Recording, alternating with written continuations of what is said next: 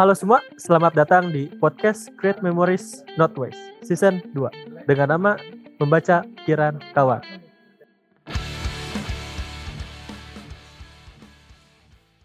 Episode kali ini akan menghadirkan Teh Ana PCPM Bank Indonesia. Lalu buku yang menjadi favorit adalah Grit, yaitu karya dari Angela Duckworth berisi tentang berbagai kisah menarik seputar kekuatan passion dan ketabahan. Oke, halo Teh Ana. Halo Ahyar, udah lama ya gak ketemu? Iya, udah lama nih gak ngobrol-ngobrol dan uh, ketemu juga. Gimana Teh kabarnya sekarang? Alhamdulillah, kayak uh, sekarang lagi penuh sih buat laporan tribulan, cuman alhamdulillah bisa ngelukis hari ini. Oke, bagus, bagus ikut senang juga. Oh ya sebelum mulai mungkin Teh Ana bisa perkenalan terlebih dahulu nih biar pendengar bisa lebih tahu nih Teh Ana itu uh, siapa. Oke, okay, uh, halo semuanya. Uh, kenalin nama aku Ana. Buat sekarang aku lagi pendidikan PCPM tadi untuk jadi asisten manajer di Bank Indonesia. Untuk background pendidikan sendiri sama kayak Ahyar dari Unpad, tapi beda jurusan nih dari akuntansi. Kita juga pernah bareng di BEM, dan ya makasih Ahyar udah uh, mau ngundang aku sini sih. Oh ya, makasih juga Teh.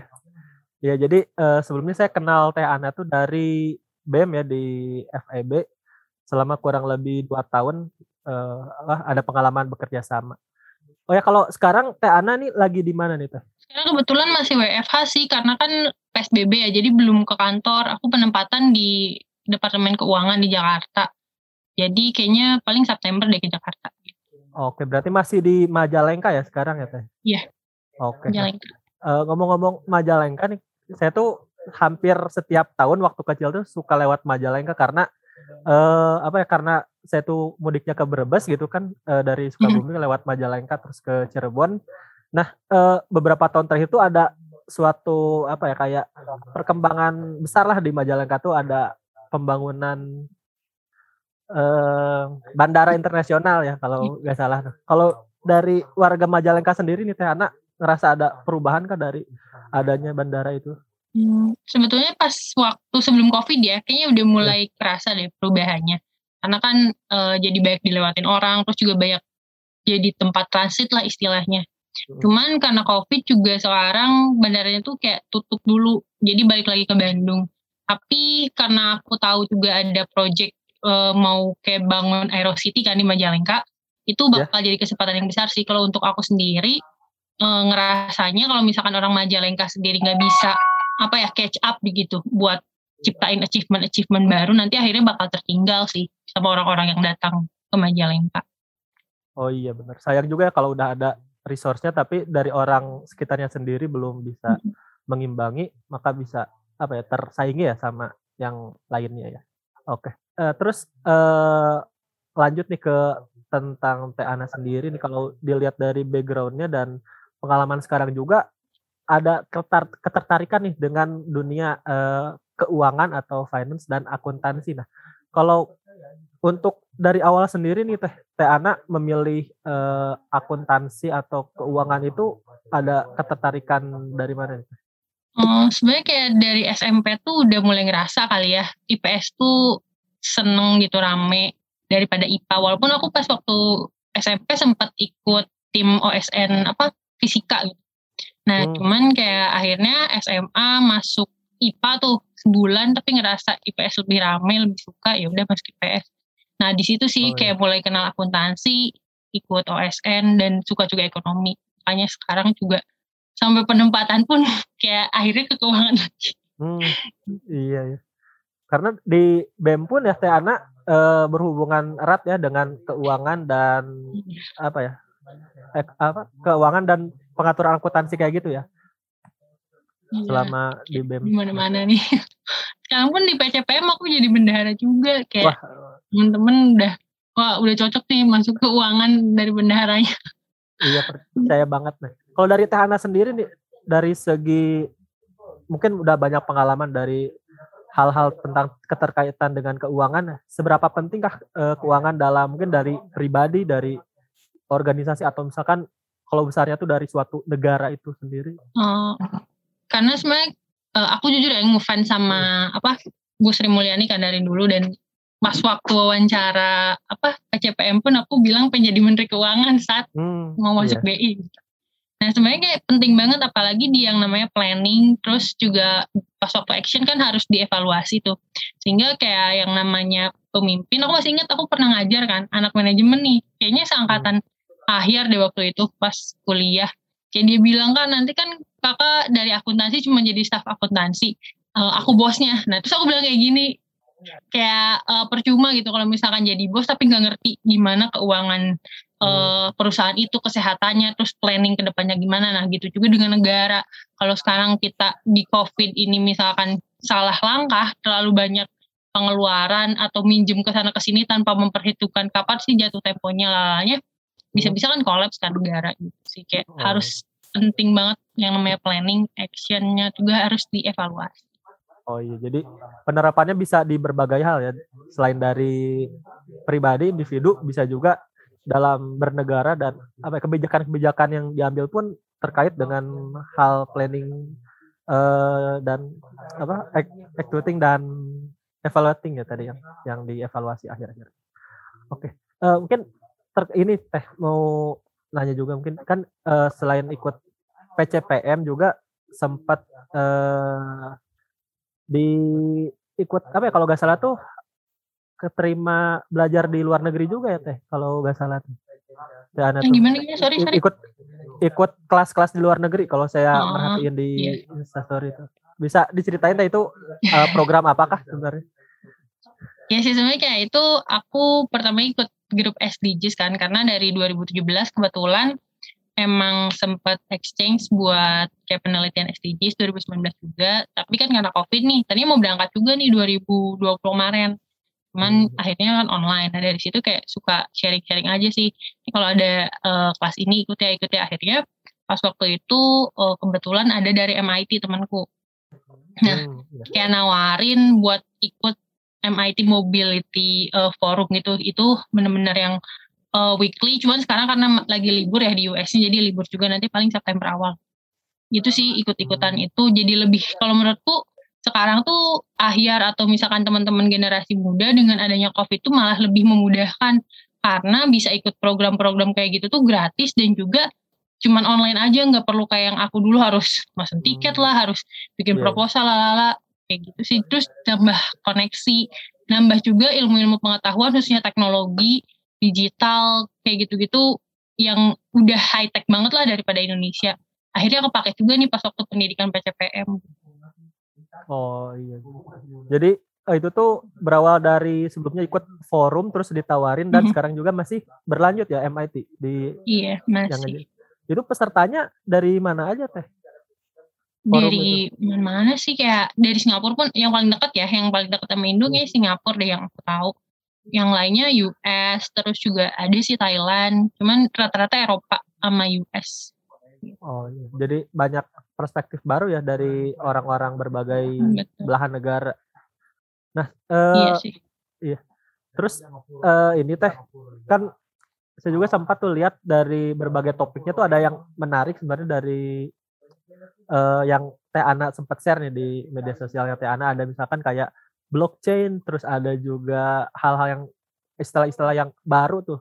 Kan kalau menurut Teh Ana sendiri tuh apakah eh, hal-hal baru tersebut tuh di Indonesia tuh apa ya kayak kayaknya masih belum ada yang ngomongin ini nih di Indonesia atau misalkan eh, perlu ada persiapan lebih nih untuk menghadapi hal tersebut kalau dari Teh Ana sendiri melihatnya Iya, sebetulnya kalau misalkan nggak ada di forum yang mirip-mirip aku ya, kayaknya nggak nggak akan denger deh misal kalau kalau seseorang itu dia usianya let, at- apa ya, let's say 20 tahun terus kuliah terus nggak dapet nih blockchain kayak gitu. Kalau nggak ikutan forum-forum atau misalkan nggak ikut komunitas yang terkait itu ya sayang banget sih menurutku. Karena kerasa banget aku juga kayaknya pas kuliah nggak pernah denger ternyata istilah ini kan udah dari dulu kan maksudnya Iya. kayak 2010-an awal pas aku ngobrol-ngobrol sama temen jadi kayak apa ya di Indonesia sendiri tuh memang perlu ada komunitas buat generasi muda khususnya tuh biar tahu gitu bahwa dunia itu luas karena kalau misalkan kayak ngerasa oh iya paling pinter nih gue tuh paling pinter di jurusan tapi nggak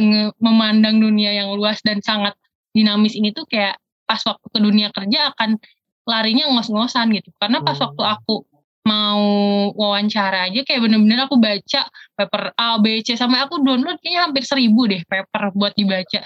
Wah. Karena saking kayak wah ternyata bank sentral lain tuh kayak gini loh perkembangan teknologinya. Jadi lebih kebuka sih dengan tahu perkembangan dunia itu. Nah sekarang kalau misalkan di BI sendiri kan memang lagi transformasi digital tuh. Jadi kalau misalkan nggak punya ya at, apa sih at least kayak nggak punya knowledge terkait hal-hal baru itu bakal ketinggalan sih. Iya iya benar. Dan apa ya emang pasti sih si perkembangan teknologi juga cepat dan biasanya kalau di Indonesia sendiri uh, trennya tuh telat ya dari perkembangan yeah. di iya. luar negeri jadi sekitar mungkin setahun paling lama baru uh, happening si trennya di Indonesia. Oke mungkin teh sebelum menutup uh, segmen pertama nih jadi ada games biasa ada segmen games pilih antara dua kata. Jadi nanti ada pilihan kata nanti anak uh, pilih aja salah satu di antara dua kata tersebut. Ya gitu. nah mungkin okay. yang pertama nih uh, uh, pilihannya akademisi atau praktisi? Hmm, kalau sekarang kayak praktisi deh. Oke praktisi Nah, terus uh, selanjutnya WFO atau WFH? WFH. Oke. Nah, mungkin yang yang pertama boleh dijabarin alasannya. Uh, iya, karena maksudnya aku udah memutuskan di BI kan, dan nanti juga akan ada apa dari kalau di BI ada tugas belajar tuh S2, S3. Jadi aku udah memandang bahwa long life karir aku tuh di BI at least kalau misalkan nanti ada jabatan politis ya kayak menteri kayak gitu kan itu kan uh-huh. uh, udah bukan kapabilitas kita ya tapi ya itu aku udah memutuskan buat jadi praktis tapi tanpa meninggalkan research karena di BI juga sangat mewadahi sekali research. Iya benar. Nah kalau WFH tadi berarti nyaman ya teh kerja apa ngerjain hal-hal di rumah itu sendiri Iya, ya sebetulnya memang ada positif negatifnya, tapi lebih banyak enaknya sih. Kalau menurut aku ya sekarang nggak tahu kalau nanti. Kayak lebih nyaman bisa sambil kadang-kadang kayak kalau rapat pun kan nggak harus on cam kan. Nah itu bisa sambil selonjoran, terus ngerjain juga fleksibel mau di mana di mana. Cuman kadang yang nggak kerasanya itu kalau udah lembur tiba-tiba, ah udah setengah satu malam lagi gitu, oh udah pagi nih. Terus itu belum mandi, baru beres banget kerjain kayak nggak kerasa sih waktu itu. Oh iya benar, ada kelebihan dan kekurangannya ya dari uh, hal-hal tersebut. Mungkin uh, di segmen kali ini cukup gitu saja sampai bertemu di segmen kedua.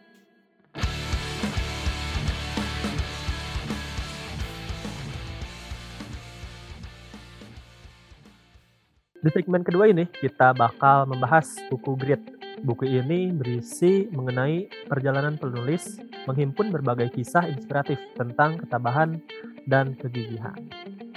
Oke, jadi uh, buku kali ini tuh Grit dan kalau boleh tanya nih Teh Anak, pertama kali uh, tahu buku ini tuh dari mana nih Teh? Kayak sebenarnya aku pertamanya itu lihat di YouTube. Itu apa ya? TED Talk. Kalian suka lihat TED Talk nggak sih? Nah, yeah. itu uh, Angela ini tuh bawain tetok terus akhirnya kayak kepo kan. Dia kayaknya keren nih orangnya gitu. Terus pas dilihat di Google ternyata punya buku. Dicari deh bukunya. Bacanya cepet kok enak tuh maksudnya kayak bahasanya tuh nggak berat. Baca kayaknya cuma seminggu. Saya seminggu dengan kerjaan-kerjaan lain pas waktu akhir-akhir mau skripsian Oh ya berarti dimulai dari sang penulis buku ya yang ngisi di acara tetok terus saya anak ngepoin tentang penulis ini. Ternyata ada buku grid juga yang udah pernah ditulis. Dan uh, kalau untuk apa ya ketika mungkin waktu baca tuh ada momen-momen yang ngena banget tuh terkait dengan bacaan yang dibaca di buku ini gitu. Ada kayak pas section mana gitu pokoknya diceritain ngas ngasih cerita kisah nyata gitu yang jalannya itu. Uh, ada anak 18 tahun itu dia orang tuanya udah meninggal tuh. Terus tinggal sama kakaknya kan. Kakaknya tuh kalau nggak kerja serabutan apa gimana. Dia tuh tahun pertama tuh gagal pengen masuk entah itu Stanford apa Harvard ya aku di antara dua itu tuh. Ya. terus kayak banyak orang yang apa ya ngecilin lah istilahnya kayak ah nggak mungkin masuk nggak mungkin masuk. Cuman uh, dianya juga sendiri awal nggak nggak yakin gitu dengan kayak apa ya dengan kemampuan dia bisa masuk top university gitu kan di dunia akhirnya dia tuh mulai tersadar kalau misalkan oh dia tuh harus bener-bener kerja keras kayak harus punya grit buat bisa lolos itu pas lihat kakaknya. Nah kakaknya itu kayak uh, apa ya kerja serabutan sampai kayak ya udah kamu les deh gitu buat bisa kuliah. Akhirnya dilesin terus bener-bener yang pulangnya malam kayak ngeliat oh ternyata ada orang yang berjuang buat aku. Akhirnya dia juga berjuang buat dirinya sendiri akhirnya masuk ke univ terus uh, ketemu Angela itu pas udah kayak lulus dan ya belum sukses banget sih cuman istilahnya udah mapan lah gitu. Tuh kayak aku ngerasain banget sih kayak wow perjuangannya tuh uh, ngelihat orang lain yang berjuang buat kita terus akhirnya kita juga emang harus berjuang juga buat diri sendiri dan buat orang lain juga oh iya benar dari kisah itu ya. Jadi uh, dan ada pula ini kisah apa ya kayak banyak sebenarnya kisah-kisah yang bisa diteladani dari buku grid itu sendiri dan ada hal yang menarik nih jadi kayak di bagian pertama tuh kurang lebih ada diagram cita-cita jadi kalau dari diagram cita-cita ini kita tahu bahwa saat memiliki satu cita-cita yang besar itu e, berawal dari cita-cita yang kecil. Jadi kayak ada percabangannya kayak gitu kan. Dan e, kalau dari Tiana sendiri nih, e, kalau nggak salah kan tadi cita-citanya jadi Kemenko ya, jadi e, apa? Menteri Keuangan, jadi Menteri Keuangan. Dan e, kalau Tiana sendiri itu e, ikut PCPM ini kira-kira itu masuk dari salah satu cita-cita kecilnya kah? Hmm, sebenarnya kayak dulu nggak tahu ya PCPM. Cuman hmm. aku uh, kalian bisa lihat di chapter 2 ada distracted by talent gitu. Kayak dulu sempat mikir uh, apa ya? Pas waktu kuliah semester 3 kayaknya nggak mungkin ya jadi menteri keuangan karena aku juga ngelihat uh, opportunity kalau misalkan kita kerja di KAP ya untuk uh, yang jurusan akuntansi gajinya kayaknya gede deh.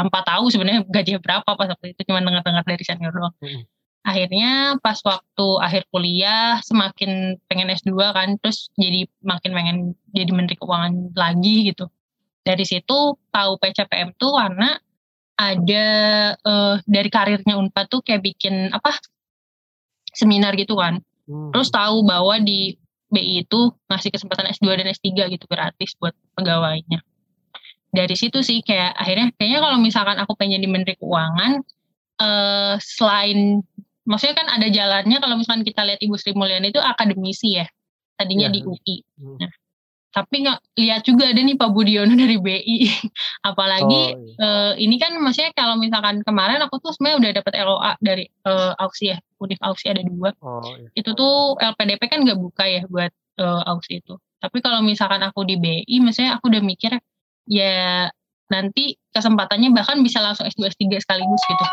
Terus hmm. uh, coveringnya juga lebih gede dan lebih uh, implemented gitu ke pekerjaan. Akhirnya ya udahlah uh, aku memutuskan BI nah di situ kayak bener kata akhir tadi bahwasanya walaupun sekarang aku di BI tapi tadi aku pengen jadi menteri keuangan makanya aku menjadikan BI juga sebagai salah satu tempat buat belajar dan improvement diri aku sih karena buat jadi menteri keuangan gak cuman uh, S2 S3 tapi perlu hmm. juga skill buat maksudnya managing gimana sih budget yang benar gitu tahu perekonomian Indonesia oh iya berarti bahkan uh, Teh Anas ini ya keterima di Australia tapi karena satu dan lain hal kali ya jadi ngambilnya yang uh, eh, PCPM ya? Iya. Ya? Sebetulnya pas uh, aku kan masih dulu uh, tahap terakhir PCPM itu intern kan kalau yang jalur kampus hiring itu. Ya. Nah pas uh, keterima intern, maksudnya udah benar-benar tinggal keterima PCPM, itu tuh dapat uh, eh, offering beasiswa dari salah satu univ itu gitu kayak sempat mikir juga sih tapi kan kalau misalkan aku berangkat itu cuman coveringnya biaya pendidikan nih nggak ada living cost terus juga nggak ngejamin aku maksudnya pulang dari sana apakah aku bisa dapat kesempatan yang besar ini juga gitu oh. iya atas berbagai pertimbangan ya. Jadi akhirnya untuk uh, meneruskan karirnya memilih uh, di PCPM. Dan kalau selanjutnya nih dari cita-cita itu sendiri kan kalau Tiana nih ingin jadi Menteri Keuangan dan uh, apa ya untuk menumbuhkan ingin menjadi suatu hal tuh kan kita perlu ada minat tersendiri terus ada juga latihan-latihan dan kalau dari uh, Tiana sendiri nih uh, ada apa ya kayak proses-proses atau tahapan-tahapan yang dibuat oleh Teh nih untuk mencapai goal tersebut? Hmm, tentunya pasti harus ada ya. Kenapa harus? Karena maksudnya kalau misalkan nggak ada kata harusnya bisa aja di tengah jalan belok ya udah belok aja gitu lupa tujuan awalnya uh, aku juga baca di bukunya Grit itu kayak Angela bilang kalau misalkan Grit itu bukan cuman kerja keras bukan cuman kayak kamu sungguh-sungguh bukan cuman kamu kayak iya aku benar-benar pengen sesuatu tapi kombinasi dari pengorbanan terus juga uh, kerja keras itu sendiri uh, apa perencanaan yang matang uh, tahan banting. Jadi semuanya akan nyatu baru jadi grit gitu.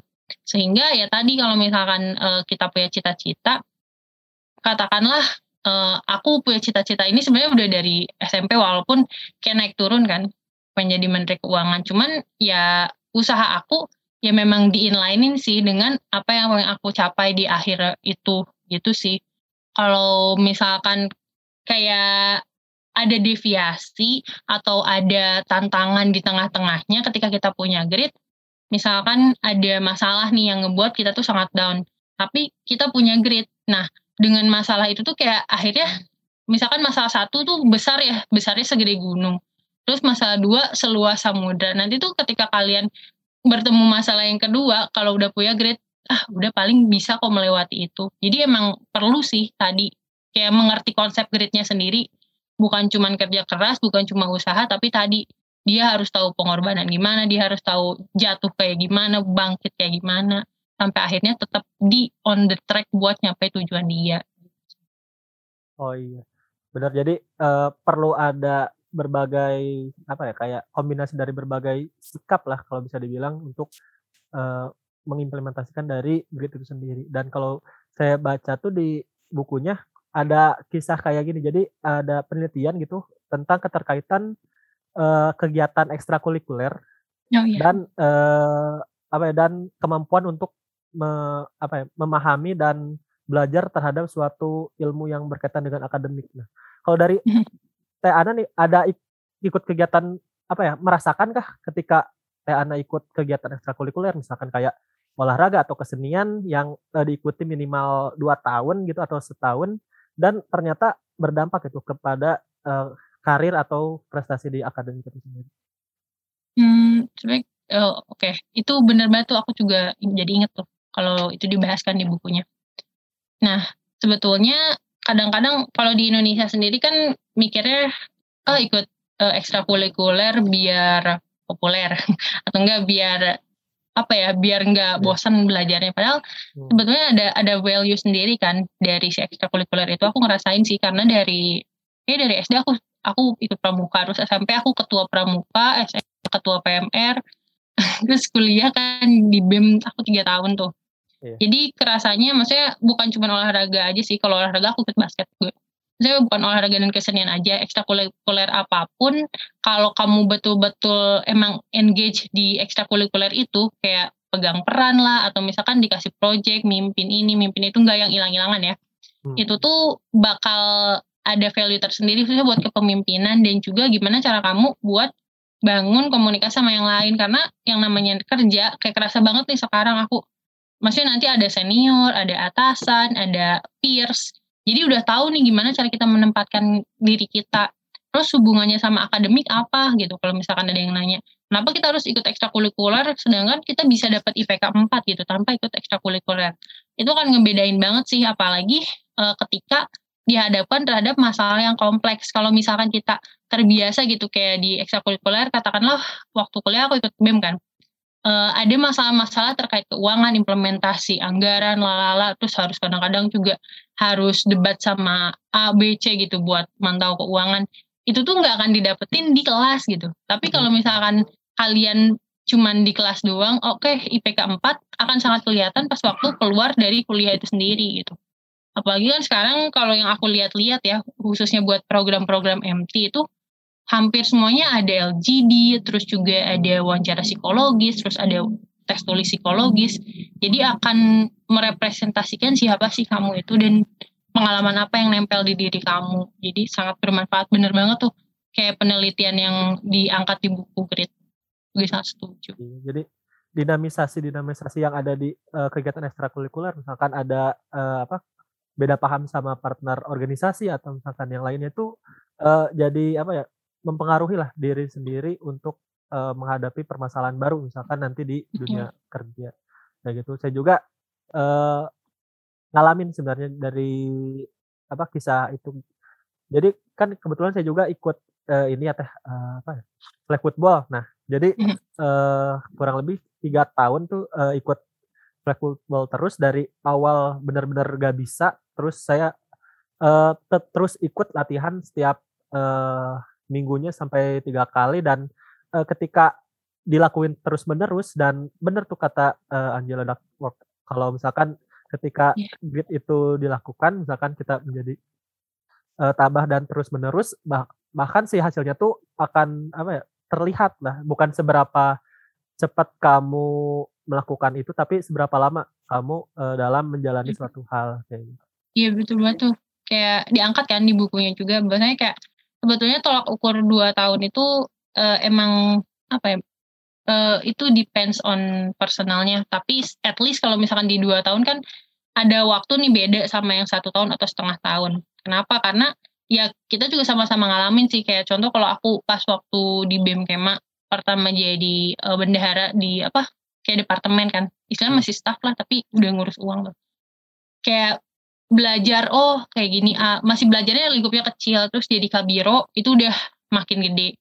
Terus jadi tuh makin gede lagi nih belajar kepemimpinannya sehingga ya tadi pengalamannya itu akan semakin terbentuk dan jiwa ketahanan tiap masalah yang ditemuinya juga akan semakin terbentuk. Karena kan semakin besar posisi dan semakin lama kita ada di suatu tempat masalahnya juga akan semakin besar. Dan di situ kayak kompleksitas kemampuan kita buat menghadapi masalahnya juga meningkat gitu. Iya, seiring berjalannya waktu, skill juga bakal meningkat dengan tantangan yang lebih rumit juga. Nah, terus uh, di bagian ketiga nih, di bagian terakhir tentang tempat dan budaya ketabahan. Uh, Teh Ana sendiri nih, uh, apa ya kayak mencari lingkungan-lingkungan tertentu kah untuk uh, menopang uh, apa ya keinginan Teh Ana untuk mencapai suatu tujuan misalkan uh, lingkungan yang gak toksik kah atau yang kayak gimana kah ada kriterianya kah kalau dari sendiri? Hmm, ya. Betul sih kayak lingkungan juga sangat mendukung uh, bagaimana pola pikir kita terhadap suatu masalah itu uh, berkembang gitu. Kayak kalau aku sendiri sih sebetulnya dari keluarga ya. Kayak aku selalu ngeliat maksudnya keluarga aku seseorang tua kan suka berjuang nih buat aku tapi uh, di satu sisi aku juga melihat gitu ternyata uh, di lingkungan yang lain tuh gak semuanya kayak gini akhirnya kayak balik lagi ke aku aku mau milih yang mana nih sebagai personal aku mau melihat contoh orang tua aku yang emang memperjuangkan sesuatu buat mencapai tujuannya atau misalkan ada juga kan yang lain yang aku lihat eh kayaknya hidupnya enak-enak aja nih aku hmm. kayak pas waktu itu aku ngerasain di umur-umur SMP gitu. Pas waktu kayak lihat orang, ih dia dapet ini instan banget ya. Sedangkan aku kayak harus berjuang nih buat misalkan katakanlah harus ranking dulu buat dapet ini. Oh iya. Jadi memang lingkungan itu akan sangat berpengaruh. Khususnya kalau misalkan kalian tinggal sama orang tua gitu ya. Atau pas waktu kalian berkembang hingga SMA lah. Nah, nanti kalau misalkan udah kuliah uh, bisa berubah. Cuman kalau aku sendiri aku lebih melihat siapa sih yang emang uh, apa ya lingkungannya positif atau enggak contoh kayak misalkan di BEM teman-temannya emang suportif gitu mendukung kalaupun memang ada teman-teman yang tidak suportif atau beda mungkin value hidupnya dengan aku ya aku menghargai teman itu tapi aku tidak maksudnya enggak yang mengengagekan diri aku di situ sih karena aku merasa ya kalau aku di situ aku nggak berkembang gitu. Oke. Kalau dari apa kriterianya adakah Riana untuk uh, lingkungan atau Hmm, maksudnya kalau kriteria sendiri aku, eee, enggak yang harus, aku harus ada di lingkungan ini loh, kayak misalkan di pekerjaan ya, karena kalau hmm. pekerjaan itu dinamis nanti bisa dipindah ukur atau kayak gimana. Cuman dari sisi akunya sendiri sih, kayak aku jangan sampai menilai orang itu negatif, maksudnya kayak contoh, kalau ada yang, "Eh, ini ih kok dia gini banget." Jadi dari diri akunya sendiri sih, kayak aku menganggap ya udah orang lain juga maksudnya orang lain punya masalah sendiri aku punya masalah sendiri yang penting jangan sampai kayak aku uh, bawa pikiran negatif ke orang lain akhirnya ke akunya juga jadi negatif. Gitu sih. Kalau aku nggak nggak yang harus uh, wah orang-orangnya harus bisa menerima kayak gitu. Enggak cuman seiring berjalannya waktu kalaupun kita memang menunjukkan sisi positif kita insya Allah sih yang lain juga akan mendukung walaupun gak semua. Yang terpenting kita punya pertahanan diri sih ya kayak kalau misalkan kita rely on other itu tuh kayak uh, seolah-olah mengharapkan semua orang baik ke kita tapi dunia itu nggak kayak gitu. hmm, gitu iya ya setuju setuju, setuju. karena uh, semua itu sebenarnya dari mindset kita nih. Kita iya, memandang iya, dunia itu kayak gimana. Kalau misalkan kita memandang dunia itu secara positif atau baik kita juga mm -hmm. bisa apa ya, menghargai atau menganggap baik semuanya dan bermanfaat nah, iya, itu penting banget tuh. ini juga salah satu kriteria grit sih kalau menurutku. Karena kalau misalkan kayak diri sendirinya aja apa ya masih rapuh rapuh di sini bukan berarti yang suka nangis atau gimana maksudnya belum punya hmm, value yang kuat terkait ke kepercayaan terhadap sesuatu misalkan yang tadi gitu. Kayak kalau aku aku harus mandiri nih. Kalau kerjaan aku dikasih kerjaan selama aku bisa ya aku kerjain lah. Maksudnya kayak aku harus usahain itu beres gitu. Maksudnya nggak yang eh besok aja lah. Kan ada tuh kadang-kadang kayak gitu. Hmm, ya, terus kayak kadang-kadang juga kalau cewek ya kayak ah udahlah yang penting misalkan uh, cari cowoknya gimana kalau aku aku mau beli rumah sendiri aku kayak gitu masih kayak aku selama aku bisa ya aku mau usahain sendiri iya sih jadi itu sih yang penting dari diri sendiri dan mm-hmm. gimana kita bisa bermanfaat juga buat uh, orang lain nah Betul. mungkin uh, kita udah di penghujung uh, acara nih Teh Ana. Ada kalimat atau kata-kata nih dari Teh Ana untuk para pendengar? Hmm. Kalau dari aku sih maksudnya uh, teman-teman kayak grade itu bukan suatu yang bisa dibentuk dalam satu hari, satu minggu, satu bulan. Bahkan satu tahun pun kayak uh, itu akan terus berlanjut gitu perjalanannya untuk mencapai si grade sendiri karena semakin kalian tahu gitu makna dari grit di kehidupan kalian, kalian bakal terus belajar dan pengen mem memperbaharui, mengupgrade gitu tingkat grit itu sendiri. Dan jangan lupa kalau misalkan buat mencapai grit, buat jadi seorang yang tangguh gitu, yang punya uh, value diri sendiri yang kuat, itu tuh kayak akan kalian tuh akan menemukan banyak masalah dan di situ titik kalian akan improve juga tuh si gritnya sendiri. Gitu sih kalau dari aku. Iya, oke. Benar banget setuju sama Teh Ana. Terima kasih uh, Teh Ana nih waktunya atas uh, cerita-ceritanya dan telah berbagai perspektif di podcast kali ini. Iya. Yeah. Jadi untuk menutup podcast kali ini saya ingin coba merangkumnya dengan mengutip quotes dari buku dan mungkin sesuai juga dengan yang Teh Ana tadi sampaikan. Jadi grit is living life like it's a marathon not sprint. Jadi uh, grit itu kayak diibaratkan sebagai maraton yang mana jalannya panjang dan lama bukan sebagai yeah. Iya. uh, sprint yang instan dan cepat kayak gitu. Jadi kurang lebih uh, itu aja untuk episode kali ini. Jangan lupa untuk mendengarkan episode-episode selanjutnya karena bakal ada kisah-kisah menarik dan segmen seru yang bakal kamu jumpai. Terima kasih, saya Ahyar, pamit, sampai jumpa di episode selanjutnya.